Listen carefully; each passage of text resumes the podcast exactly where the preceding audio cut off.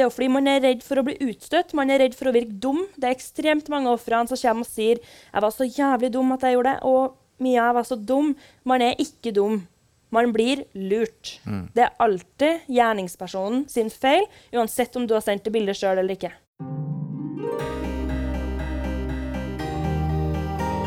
Boktips med Knut Gørvul. Dagens gjester er Aili Hannisdal, Mia Lansem og Anne Britt Harsem.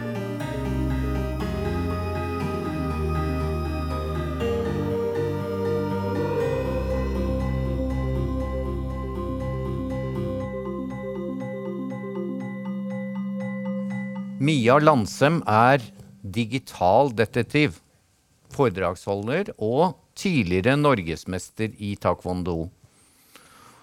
Hun er ansatt som medarbeider i et nettsikkerhetsselskap, og nå har hun skrevet denne boken, 'Trygg på nett'. Ta godt imot Mia Landsem.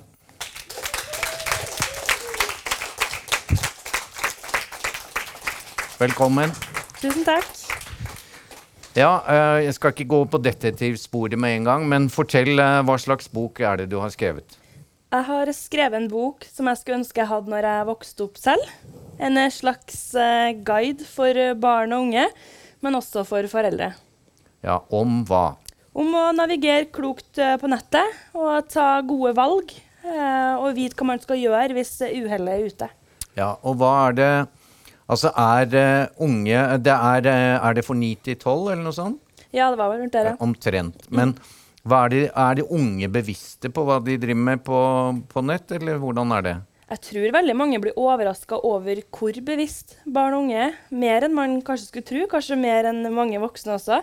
Men det er ikke alt de vet alt om, Nei. akkurat som alle oss andre. Så det, de gjør mye greier de ikke helt vet konsekvensene av, da. som Ja. f.eks. nettmobbing og, videre. Ja, fortell litt om Altså, det som er fint, at det er en type bok som den er skrevet til de unge, men eh, vi gamle, holdt jeg på å si, eller i hvert fall foreldrene og andre, bør jo også kunne lese i den for å, å, å se på de rådene du gir.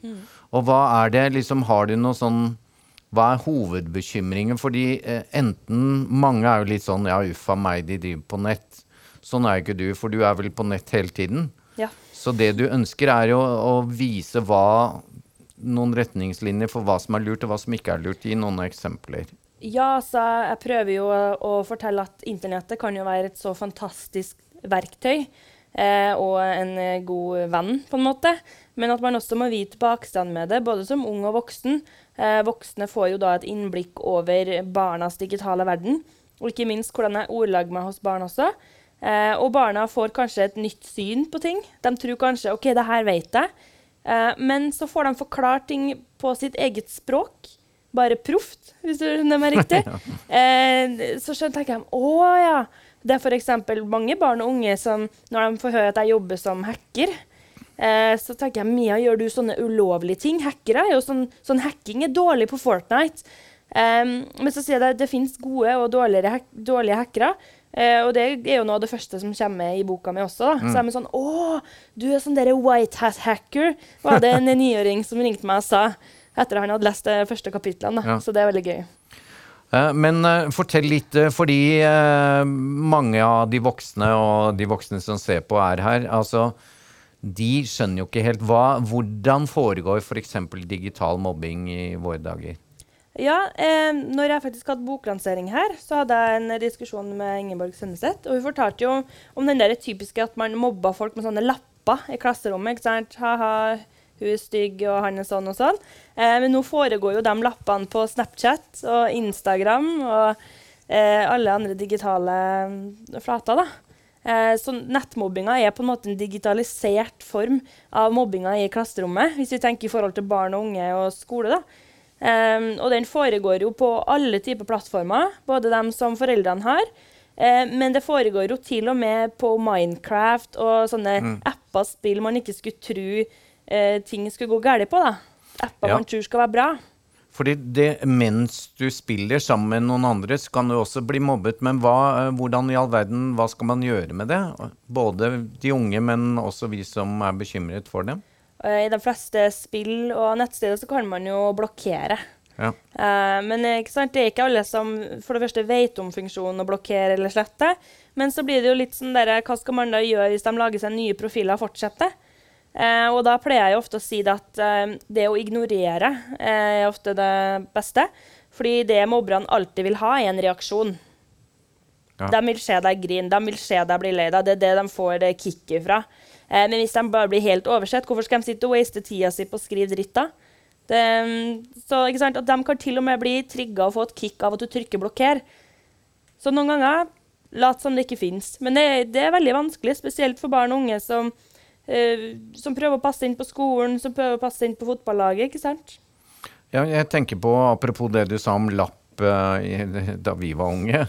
Altså, Det kunne være ille at noen sa noe om deg på skolen, eller noe sånt, men når du nå er Hvis du er eh, en som føler deg mobbet, da, og sitter hjemme, og så, så følger de altså etter deg helt inn på soverommet ditt. Jeg kunne liksom gjemme meg fra Ja. mobberne mine når jeg var liten. Jeg kunne liksom springe hjem eller gjemme meg på do i friminuttene. Mm. Um, mens nå så forfølger de deg på telefonen. De forfølger deg på PC-en, de forfølger deg jo overalt. Så det er jo ekstremt vanskelig. Men, eh, men du, eh, er det først og fremst rådet at hva, hva gjør du da hvis du har et sånt barn da som, som er så lei seg og føler seg at uh, nå forfølger de meg helt inn i det innerste? Hva, hva er rådet?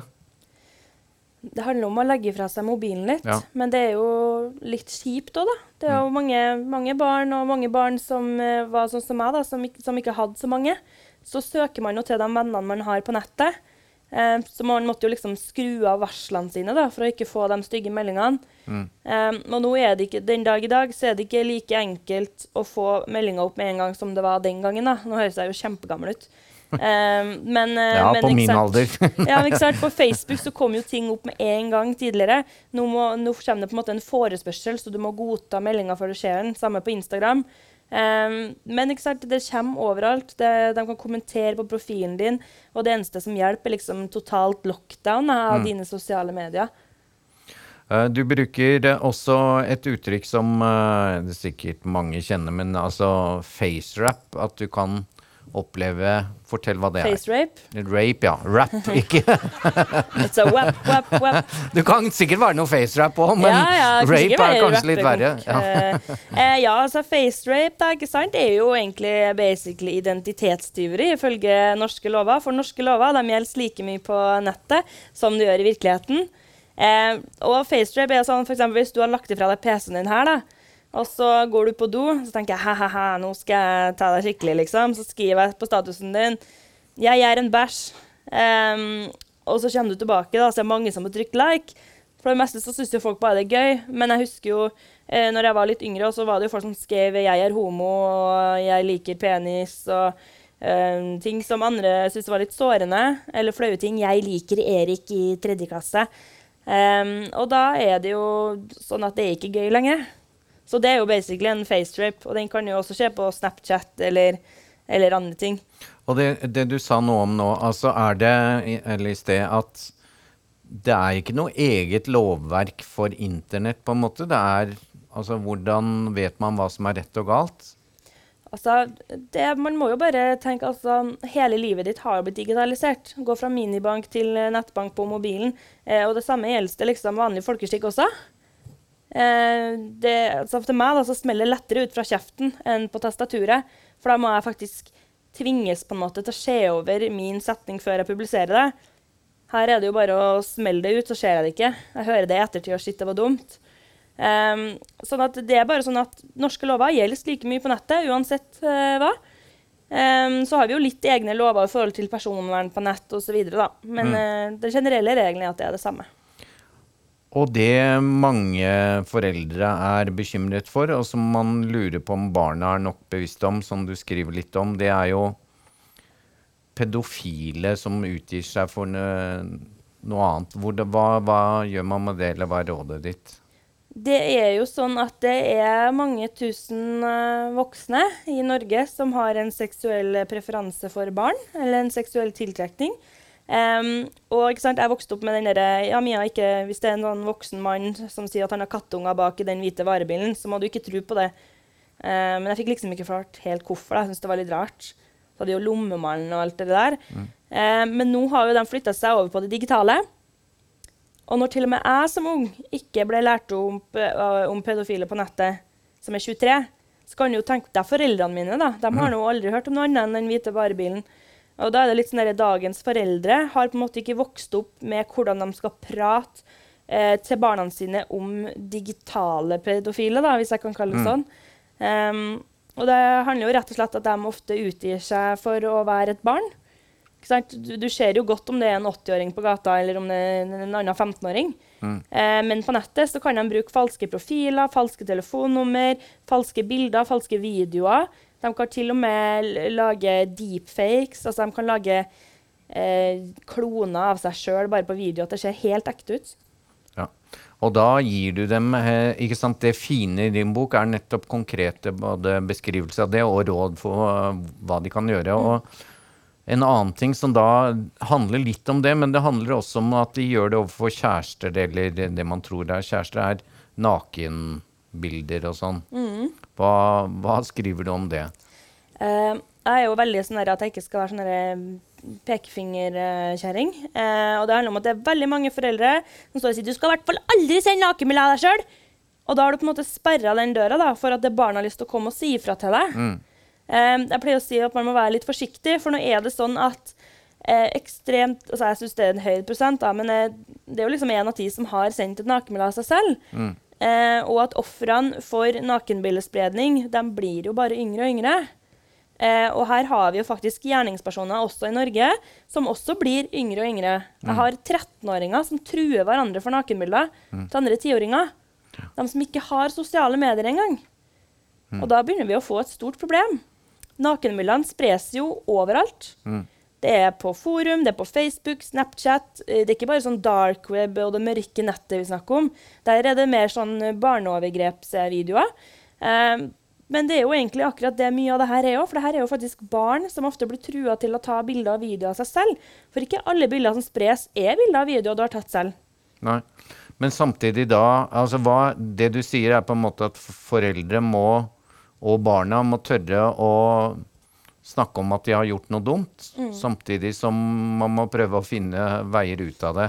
Det er hovedpointet mitt når jeg har mm. foredrag for foreldre. Um, fordi jeg hadde veldig sånn pekefingerforeldre og fikk veldig kjeft hvis jeg gjorde noe dumt som egentlig ikke var livstruende, liksom. Uh, så det endte jo med at jeg sa på en måte ikke så mye. Uh, og da tar jeg med meg det litt i voksen alder. Da, hvorfor, da tenker jeg hvorfor vil tiåringer, elleveåringer, åtteåringer seksåringer og foreldre, 80-åringer, heller komme og snakke med en fremmed 20-23-åring da, når jeg har blitt kontakta, enn sine egne foreldre, venner og familie. Det er jo fordi man er redd for å bli utstøtt, man er redd for å virke dum. Det er ekstremt mange ofre som kommer og sier 'Jeg var så jævlig dum at jeg gjorde det', og 'Mia, jeg var så dum'. Man er ikke dum. Man blir lurt. Mm. Det er alltid gjerningspersonen sin feil, uansett om du har sendt det bildet sjøl eller ikke. Og du har jo vært borti saker eh, tidligere, nærmest som detektiv, eller hva du skal si, hvor nettopp at man sender et nakenbilde til en kjæreste mm. som burde Eller må kunne være greit, men så går det videre, ikke sant? Og det er jo det som kanskje er vanskelig, da. At man både skjønner at uh, man gjør det, og at det kan misbrukes. Mm. Altså, så klart, um, Jeg legger ikke pengeboka mi uh, ifra meg på bordet der, og så går jeg meg en tur i gata. Uh, men her handler det om at man skal kunne stole på sin egen kjæreste. Og akkurat som jeg sa, da, at vårt digitale liv, uh, minibank til nettbank, uh, til, til, at vi ringer hjemmetelefonene, til at vi sender en snap 'Hei, skal vi møtes', så er det jo sånn med det seksuelle livet også. Spesielt hos barn og unge. De begynner i tidlig alder å, å, å teste seg selv og, og sine grenser seksuelt også. Og det begynner de jo også å gjøre på nettet. Og det er derfor vi må gå inn og snakke om porno. Vi må gå inn og snakke om nakenmøllespredning. Vi må inn og snakke om pedofile. Fordi de er ni-ti år når de først kommer forbi mm. porno. Og så sitter vi og forventer at de ikke hermer etter de her pornoskuespillerne. Mm. Ja. Uh, du har også litt sånne formaninger til de unge at de kan snakke med sine foreldre om at det er noe som heter at foreldre deler for mye også, om barna. Fortell litt om det. Eh, det handler jo om, om hashtaggen 'stop sharing ting', som gikk veldig rundt eh, Jeg både følte i meg veldig truffet, da. ja, eh, vi har jo bl.a. en bestemor var vel i USA eller noe, som ble dømt for å spre og bryte privatlivet da, til både sin, sin egen datter og hennes datter igjen. Eh, og det handler jo om at foreldre eh, deler ekstremt masse av barna sine. Barn i Norge har over 1000 bilder av seg selv ut på nettet før de er fylt 12 år. Det er ekstremt mange, og selv om det bare er på Snap eller ikke, så blir alle snaps lagra før de forsvinner igjen. Man må tenke på hva man legger ut. Må jeg legge ut det her? Ja, det er ekstremt søtt at hun er sånn og sånn, men vet du hva? Det trenger du ikke å dele med hele verden konstant. Det handler også mye om Jeg har jo folk på vennelista mi som deler hvilken sykdom barnet blir diagnosert med. Og det, man må tenke litt. Grann, vil det barnet mitt forstå hva jeg har lagt ut på Facebook? Kan det oppfattes som flaut? Kan det være skadelig? Kan det ende opp i, i ID-tyveri? Ja, det kan det. Folk som legger ut bilder av passet til ungen sin uten å ta bort fødselsnummeret. Bare 'Hei, se på det fine bildet!' Jeg ser så mye eh, skal man si, dumt, da. Eh, så man må tenke seg ekstremt godt om. Og spesielt eh, handler det her også om influensere som tjener penger på barna sine og deler i hipp og happ. Jeg syns ikke noe om det, rett og slett. Så foreldre, skjerp dere. Men Ja. bare én ting til slutt. Eh, du, er, som jeg sa innledningsvis, så jobber du som digital detektiv, eller som du sa, en lovlig hacker, da. Mm. Har du egentlig begynt som ulovlig hacker og blitt eh, lovlig, eller eh, og hvordan er dette egentlig? Eh, nei, altså Eller går dere litt utenom loven, selv om dere liksom er Nei. Eh, man har jo ulike lovverk å forholde seg til. Jeg var nok absolutt i en gråsone kanskje da jeg var 15-16 år. Eh, men så blir man jo mer klar over det man driver med. Eh, jeg har aldri brutt noe lovverk, men man kan absolutt si at det har vært en gråsone. Eh, men så handler det om at jeg ble utdanna. Jeg hoppa av siste året mitt på bachelor i idrettsvitenskap for å begynne på nettverk og IT-sikkerhet, fordi jeg hadde lyst til å lære mer.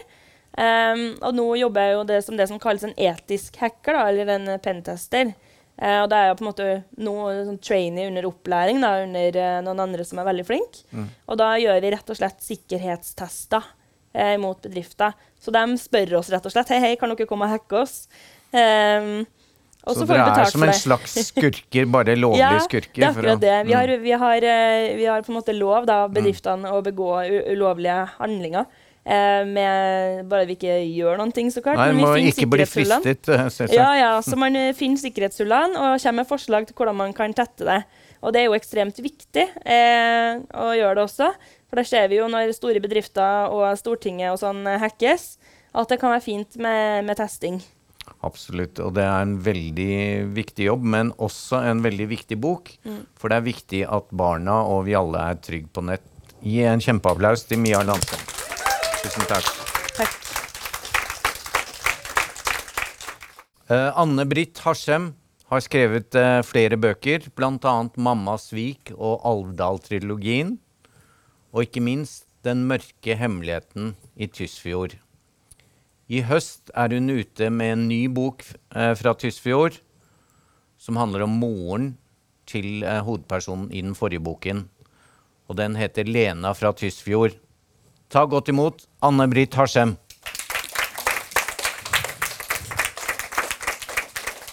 Velkommen. Takk. Tusen takk.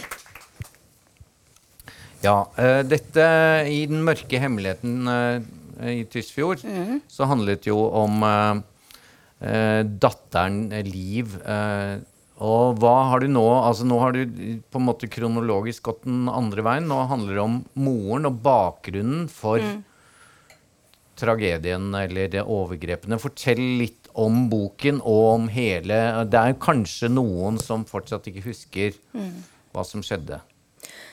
Altså, eh, det begynte jo med den mørke hemmeligheten i Tysfjord. Eh, og, starten eh, for meg på det var eh, at jeg fikk flere henvendelser fra Tysfjord etter 2016. Etter en eh, avisartikkel i VG som startet på en måte Tysfjord-saken. Fortell Eh, bitte lite grann hva Tysfjord-saken er, for Ja. de som har glemt det. Det kan jeg gjøre. Altså, det startet med en avisartikkel i VG. Det var fire journalister. Eh, de brukte to år på den artikkelen. For det var så vanskelig å komme inn i miljøet. Det var vanskelig å, altså de, de, det tok to år. Eh, den artikkelen fikk de i ettertid, jeg tror det var i 2018, så fikk de Fritt Ord-prisen for den. Det var veldig fortjent. Eh, jeg har jo skrevet en bok tidligere om overgrep. 'Mammasvik'. Eh, og har siden da fått eh, mye henvendelser. Senest i dag. Får det hele tiden. Jeg uh, syns jo det er ganske trist å erfare at det er så mange som bærer på så tunge hemmeligheter. Men jeg hadde ikke planlagt å skrive en bok til om overgrep. Etter 2016 så fikk jeg eh, henvendelser også fra Tysfjord. Det var nytt. Eh, ja, noen få henvendelser. Og på et tidspunkt eh, så skjønte jeg, eller tenkte jeg, at det var så spesielt. Det er det lulesamiske miljøet, altså primært eh, 70% av ofrene tilhører det lulesamiske miljøet. 30% er norske. Eh, alt var så på en måte spesielt. Det er minoritet. Uh, du kunne ikke, altså, ikke sammenlignbart med det jeg har skrevet tidligere. De fortjente en egen bok. Og en del research og, og så videre, så ender det med at jeg skriver historien til Liv. Som Og det var, ble et, som var en av, et av ofrene. Hun er ett av ofrene. Det ble avdekket 151 ofre eh, i Tysfjord i kjølvann av den eh, Eller i etterkant av 2016. Det ble satt i gang en stor eh, altså det er etterforskning, og det er avdekket 151 ofre. Eh, jeg vet at noen av de som har kontaktet meg, ikke har vært i kontakt med politiet. Det er mm, sannsynlig mørketall. Eh, Det endte da i boken eh, 'Til liv den mørke hemmeligheten i Tysfjord'. Og grunnen til det er viktig med det, det enkle, det lille bildet. At du får enkeltpersonens historie. Fordi eh, i avisene, så når, man, når det blir liksom tall som 151, så blir det litt sånn abstrakt og Det blir for stort Ja, det gjør det. Eh, boken til Liv er veldig sterk. Den er veldig altså nær, Du kommer veldig nær inn på henne. Eh, jeg er jo på hennes stemme i den boken. Og, og når man har lest den, da kan man gå på en måte inn og så tenke at eh, du kan gange den historien med 151. Og så forstår man egentlig hvilken enorm tragedie det er. Og så Og må vi da tilbake jeg, til ja, Og så var jeg ferdig eh, med boken. Men det er mange spørsmål. Og, og jeg var jo oppe i Tysfjord eh, flere ganger. Ble kjent med mange fine mennesker der oppe. Eh, var også ute i fjorden der, eh, og, hvor de har levd i mange år. Eh, og det var noe med historien. Altså, jeg var ikke ferdig. Jeg kjente det så veldig sterkt. Og da var det det tok form at jeg ønsker å prøve å finne noen svar på hvordan dette kan skje. Og, og da var det å gå tilbake i tid. Dette her er ikke en bok som eh, beskriver seksuelle overgrep. Det har jeg på en måte gjort nå. Dette her er eh, eh, Og det var avgjørende for meg at det var mammaen til Liv. Jeg ville ha den røde tråden.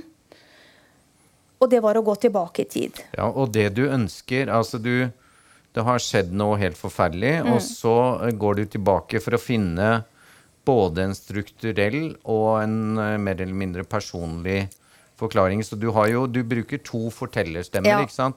Fordi det store bildet og det lille bildet, og det tenker jeg eh, Det var vanskelig. Det van den balansen har vært vanskelig. Men det lille bildet her, det er mammaen. Fordi at hun sviktet datteren sin. Altså totalt. Og det er jo ikke til å forstå hvordan kunne det skje. Men jeg må også si det er relevant, selv om dette er i en ekstrem grad, så er det per i dag, i 2020, så er det faktisk sånn at eh, jeg skal være, altså majoriteten av norske kvinner, gifte, de eh, svikter barna sine i, når det er omsorgssvikt, hvis det er far som begår, hvor man snur ryggen til. Mm.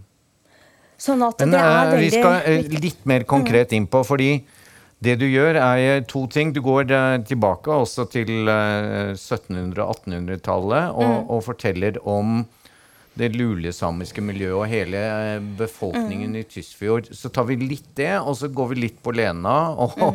og den tragiske historien hennes ja. også. Mm. Men fortell litt om bakgrunnen. altså Hva slags miljø har det vært i, i Tysfjord?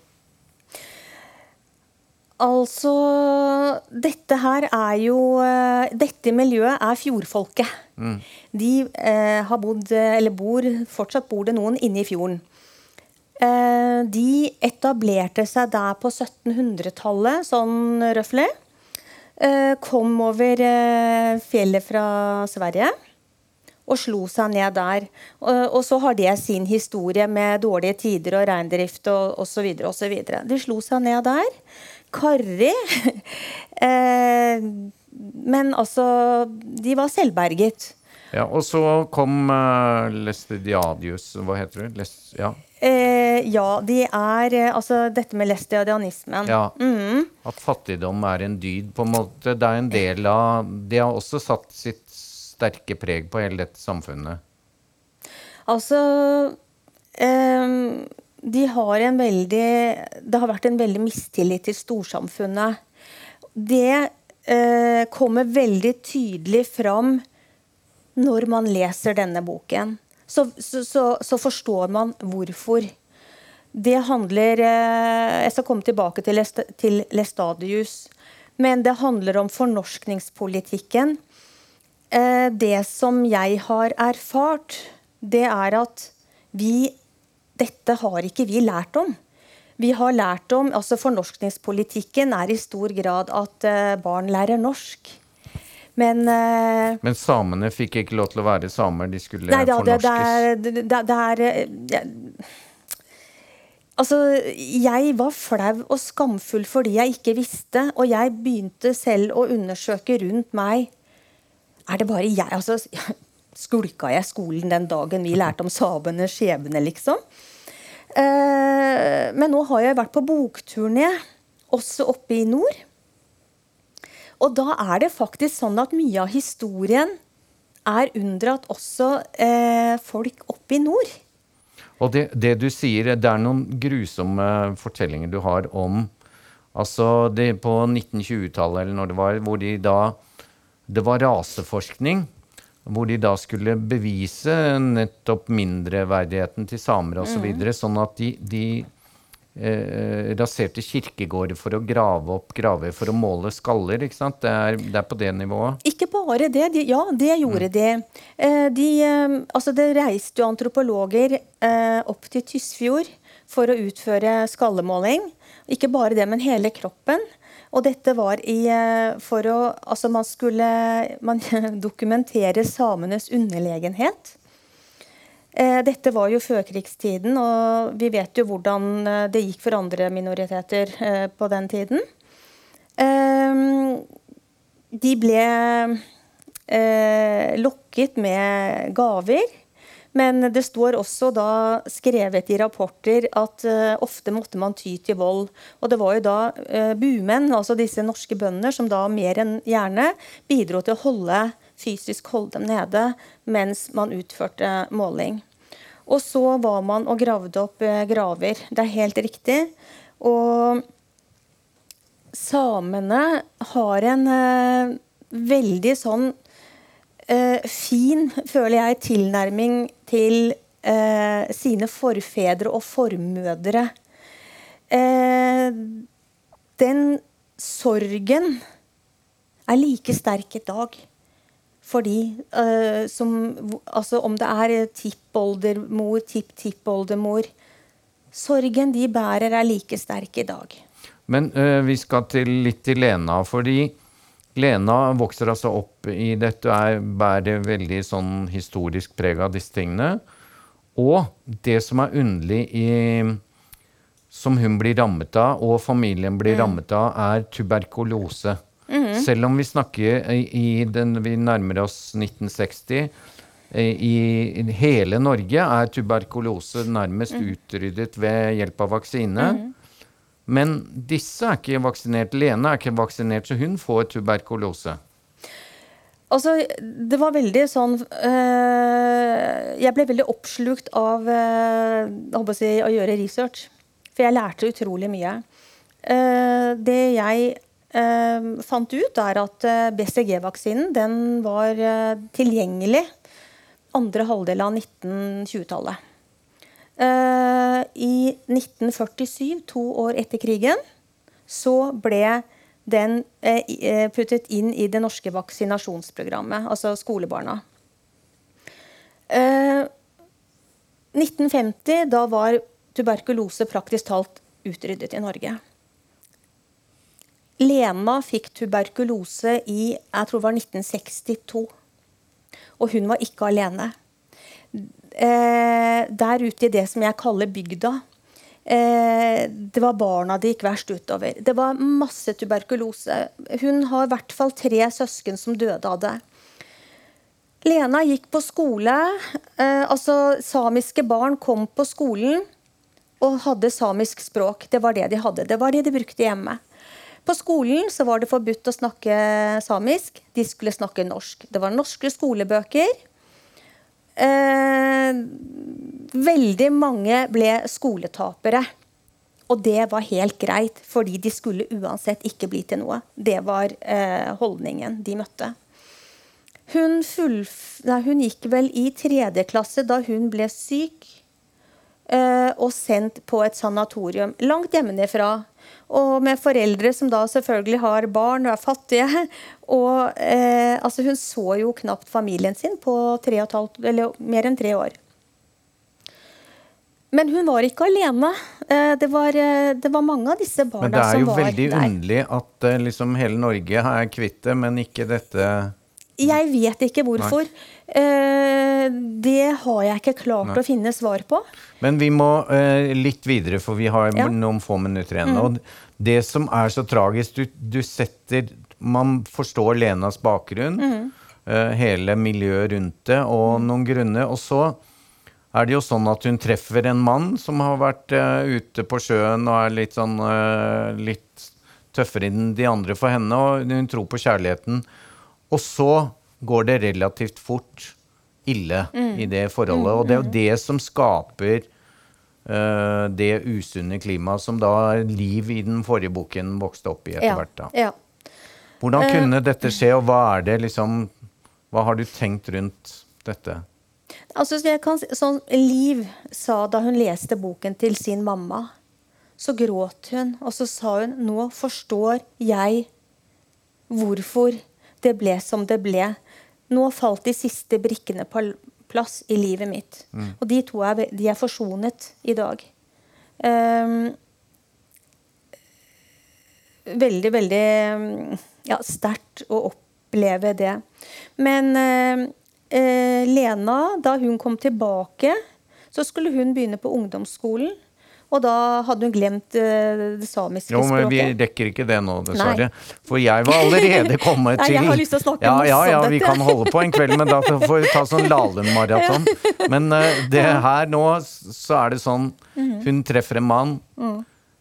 Uh, det er egentlig lykkelig, som de fleste forhold med en gang. Og så blir det et alkoholisert voldsdrama, egentlig. Og så um, kommer hun seg ikke ut av det. Og det, det, det rare som hvis man uh, ikke er inne i sånn, så lurer man jo på hvordan kan det skje, og hvorfor, når hun begynner å merke hun blir utsatt for vold mer og mer. Mm. Hun skjønner kanskje bare delvis at også barna i hvert fall har det veldig eh, vondt. Og så blir hun i det i en fryktelig lang tid. Hun har vært mye redd. Fryktelig, altså, og også redd. også fryktelig redd. Veldig redd. Um, de, altså, og bare der hvor de levde, uh, så tar de med hurtigbåt uh, nesten en time inn i fjorden. Det er ikke noe politi, det er ikke noe noen ting igjen. Du er prisgitt. Uh, og uten at jeg kan svare for hva var hans problem, så tror jeg, altså ut ifra det jeg har erfart der med historien, at uh, han har vært utsatt for uh, ting som et lite barn under an, eller altså etter, ja, det... ja. Sånn at uh, dette her er skadet mennesker, og det blir veldig Det går veldig galt. Det går ordentlig galt. Og da lurer jeg på Ja, det er veldig sterkt og veldig interessant, fordi du, du får jo på en måte empati med disse menneskene, mm. samtidig som du lurer på hvordan er det mulig at man ikke kommer ut av det. Og så tenker jeg da, hvis vi avslutningsvis kan se Du har nå skrevet flere Du skrev om Alvdal-saken mm. ikke sant, i den trilogien din, mm. og nå har du skrevet Altså, hvordan er det for deg å, å skrive om disse helt forferdelige tingene? Jeg tror faktisk eh, det går eh, lettere for meg kanskje å skrive enn for de som leser. Mm. Eh, fordi at når jeg skriver, og den kontakten jeg har, så er det alltid en god tone. og tro det eller ei, men det hjelper alltid med litt humor. Um, og jeg er en veldig sånn sta person. Jeg har vært mye brukt på Statens barnehus eh, i sånne midlertidige altså midlertidig verge. Eh, avhører av barn og unge som har vært utsatt for eller vitne til vold og eller seksuelle overgrep.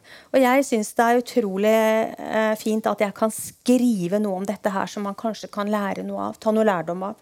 Ja, Så målet mm. ditt er eh, at uh, vi får belyst viktige mm, saker mm, og kan ja. lære noe og gå mm, videre, mm, liksom. Mm. Ja. Tusen takk. En fantastisk viktig bok, Anne-Britt Harsem. Tusen takk. Tusen takk. Da handler det om å bli høy på deg sjæl. Ja, endorfin som medisin. Jeg syns det er en utrolig fin tittel på Aili Hannisdals bok. Hun er lege, musiker, låtskriver endorfinentusiast, kaller hun seg, og hundeeier. Praktfull introduksjon. Ta godt imot Aili. Velkommen. Tusen takk. Ja, hva slags bok er dette høy på deg sjæl?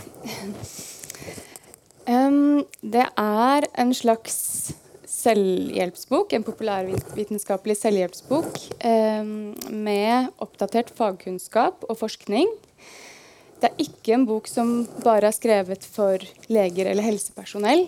Eh, det er jo en bok som handler om hjernen og følelser og endorfiner. Eh, så den er skrevet for alle som er nysgjerrig på disse temaene. Og så er det heller ikke en sånn type selvhjelpsbok som, som inneholder masse øvelser eller oppgaver det handler mer om å forstå hvorfor man føler som man gjør. Eh, og kanskje særlig hvordan man kan ta følelsen i egne hender, sånn at man ikke trenger å sitte fast i en følelse eller et mønster som gjør at man igjen og igjen havner i en situasjon man ikke ønsker å være i. Så man slipper å være det jeg kaller passiv passasjer i eget følelsesliv. Um. og jeg, jeg syns jo det at du, du har en sånn herlig blanding av du er jo lege, det er jo tydelig. Det er jo vitenskapelige fakta her. Men òg da spennende nytt for mange av oss på endorfiner og sånn. Og så er det også en, tips, en del tips på hvordan uh, vi kan bli høyere på sjæl da. Men uh, først og fremst, hva er endorfiner og sånne signalstoffer som du skriver om? Hva er det for noe? Godt spørsmål. Um, ja, Du har egentlig tipset meg om det spørsmålet. ja, jeg tenkte kanskje at det var et naturlig spørsmål. ja, det er det. ja. Um, ja, endorfiner det er noe som kalles en nevrotransmitter. Det er et type signalstoff som produseres i hjernen din når du gjør helt bestemte ting. Uh, og så har vi hundrevis av sånne nevrotransmittere.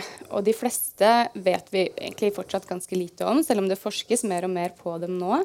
Men endorfinene er en av de signalstoffene som det forskes mye på, og som, som man tenker at sammen med en rekke andre stoffer igjen, som vi også skriver litt om i boka, da, eh, henger sammen med positive opplevelser og følelser, som f.eks.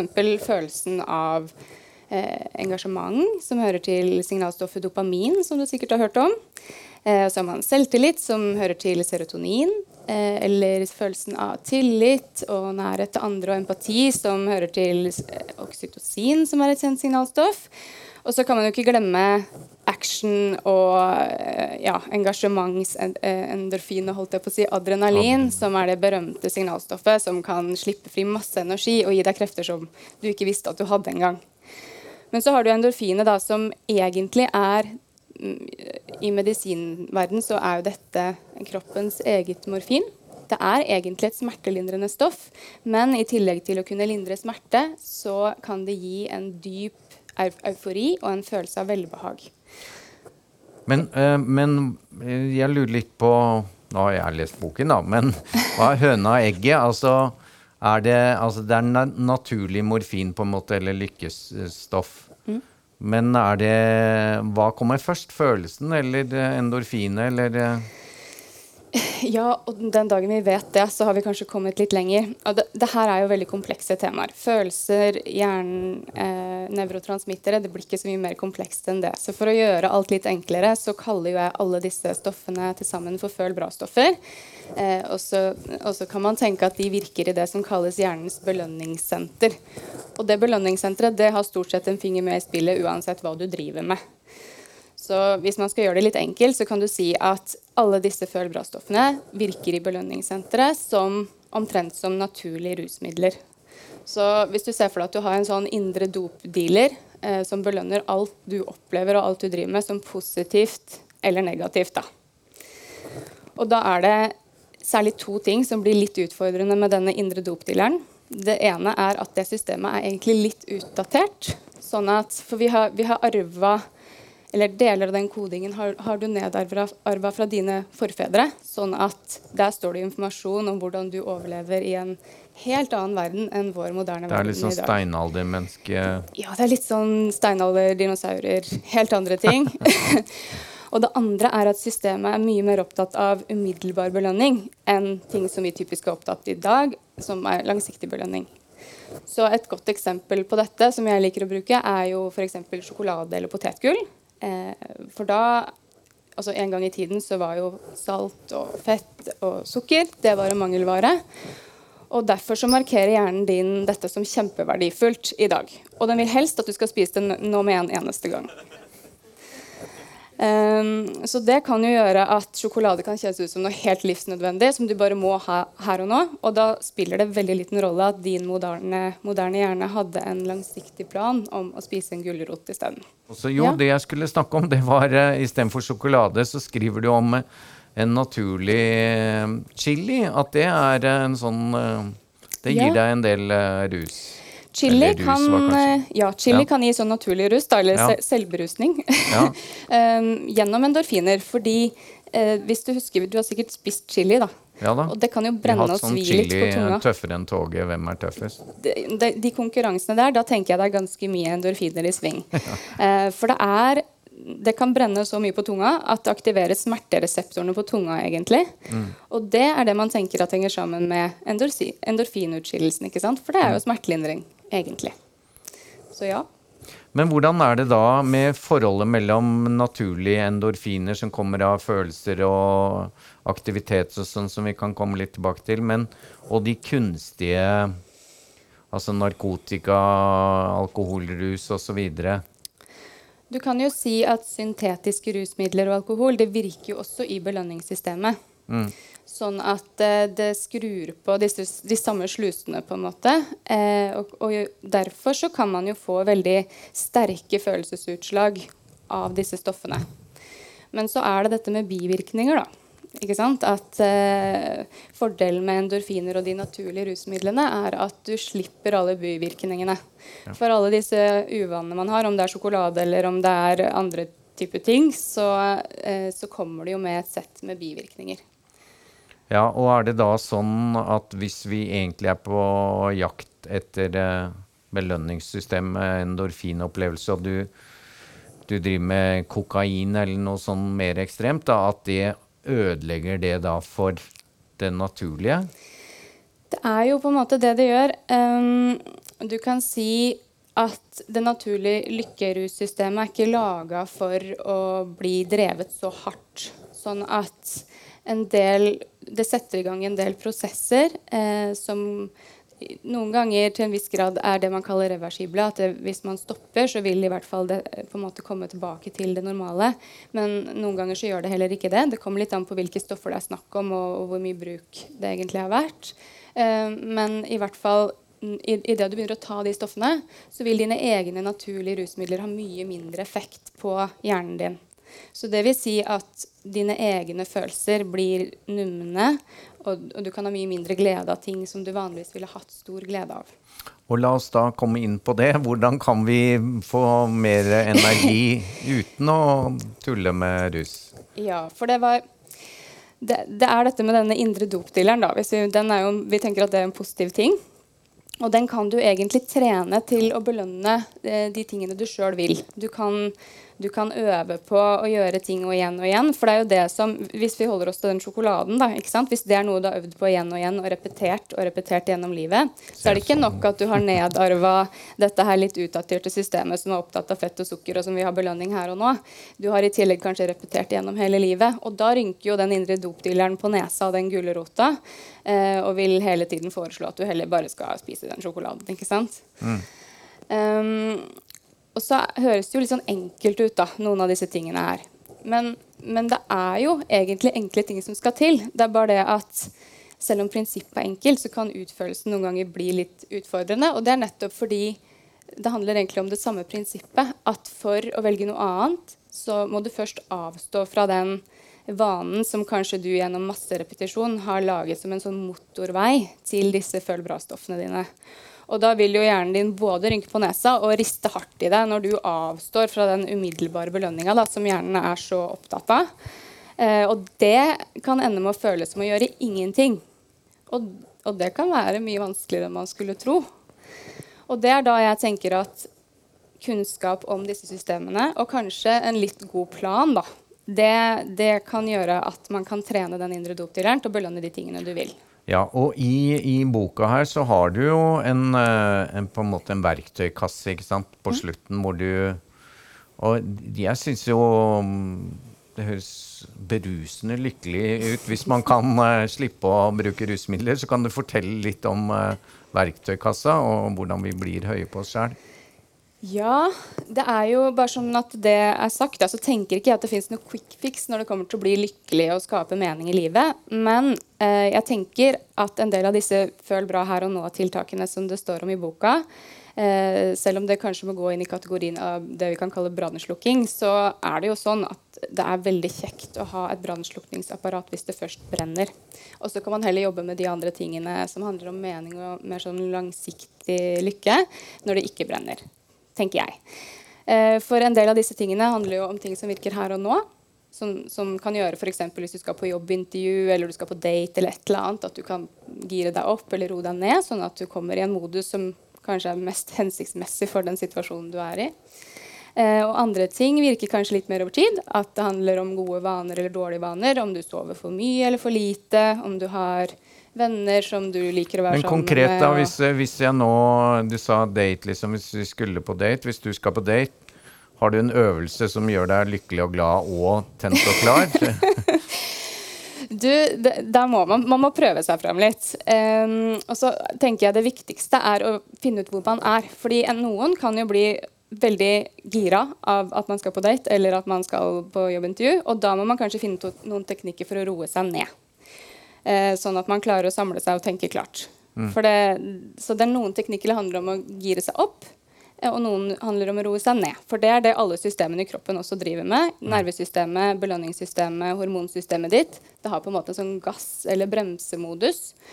Og begge deler kan egentlig føles som en slags boost, fordi det, det, gjør noe med hvordan du fokuserer og bruker energien din egentlig. Mm. Så hvis man skal på date, da, og man blir veldig gira av det, og kjenner at adrenalinet raser og det brenner i kinna, så er det kanskje nok å finne en god pusteteknikk og jobbe litt med det, eller meditere, eller høre på rolig musikk, ville kanskje jeg gjort. da, For jeg blir veldig bevega og påvirka ja, av musikk. hva er det med musikk, liksom? Er det en sånn felles Ja, jeg skal vel ikke si noe sånn sikkert tall, men jeg vet at det er veldig høyt. De aller fleste vil kunne ha god effekt av å sette på dempende musikk hvis man er stressa, mm. eller at man kan gire seg opp hvis man f.eks. skal løpe maraton. At man kan trenge noe for å holde beina i gang. Mm. Uh, og så er det jo forskjell på hvor mye man har brukt det fra før, men der har du det her med å trene den indre dopdealeren. At du kan, hvis du gjør det mer, så får du bedre effekt. For det, da føles det mindre som å gjøre ingenting, ikke sant, som vi var inne på i stad. Så det, det tror jeg de aller fleste kan ha stor nytte av. Hvordan var reaksjonen hos folk når du på en måte sier nå Hallo, folkens, du kan bli høy på deg sjæl. Bruk eh, naturlig endorfinene dine. Den reaksjonen er stort sett veldig positiv. Jeg syns det virker som de fleste tenker at dette er veldig nyttig. Nyttig kunnskap og nyttig verktøy. Og at det er mange som syns det er gøy å, å, lære litt om mekanismene bak alle de vanene man har, og alle de rare tingene man gjør som man egentlig har tenkt så mange ganger at ja, men det her, det skal, jeg skal slutte. Jeg skulle slutte i går, jeg skulle slutte i fjor. Eh, men, men, det går ikke. Hvorfor, hvorfor gjør jeg det fortsatt? Mm. Uh, og det er jo det jeg også tror. At å forstå mekanismene bak, for min egen del i hvert fall, så gjør det det veldig mye lettere når jeg forstår hva som skjer, å kunne gjøre gode valg og ta de valgene jeg vil. Og til slutt uh, rundt deg. Det virker som du gjør uh, Bortsett fra det å være hundeeier, som mange av oss kan klare, så gjør du utrolig mye. Du er altså lege, du er forfatter, du er foredragsholder, og du er også artist. Uh, fortell litt om artistgreia, og hvordan i all verden klarer du alt dette? Er det, det er sånn det er? Veldig kort om artist, så jobba jeg med musikk eh, som ja, singer, songwriter, altså låtskriver og vokalist før jeg begynte på medisinstudiet. Så jeg gjorde egentlig det i mange år. Eh, så jeg vil si på en måte at jeg er musiker i bånn. Mm. Eh, og så har jeg jo Man kan jo ikke slutte med musikk. Så man har det med seg. Så man har det alltid med. Eh, så det har jeg hatt hengende med meg. På medisinstudiet så var jeg med i husbandet og liksom gjorde alle de tingene der. Og nå har jeg vært og, og spilt inn noen coverlåter og litt sånn og holder det med meg videre, da. Um, og det siste du sa, var ja, Hvordan klarer du alt sammen? Er det Selvfølgelig. Det er jo, Noe av det jeg skriver om, er jo det å finne ut hvem man er, og hva man liker å holde på med. Og jeg tenker at det er noe av det som gir mening i mitt liv. Alle disse tingene her. Mm. Så musikk har alltid vært sånn. Det er visst bestandig at, eh, at, det er mye musikk i meg, på en måte. Eh, og så har jeg alltid hatt interesse for hjernen og kroppen og følelser og hvordan alt dette henger sammen. Og da var jo medisinstudiet et veldig godt valg. Jeg føler jeg har fått eh, mye forståelse fra, fra medisin og vitenskapens verden, som da selvfølgelig er mye med i den boka, og som, som jeg har med meg hver eneste dag og bruker. Eh, og så er det jo også veldig gøy å få jobbe som lege. Det er en fantastisk jobb å få lov til å komme inn i livene til folk og, og få den tilliten og hjelpe til å bidra. Så det til sammen for meg er det krutt. Tusen takk. Det er eh, deilig å lese om å høy på deg sjæl, og deilig å snakke med deg, Aili Hannisdal. Tusen takk. Tusen takk. Boktips, en podkast fra Cappelen Dam.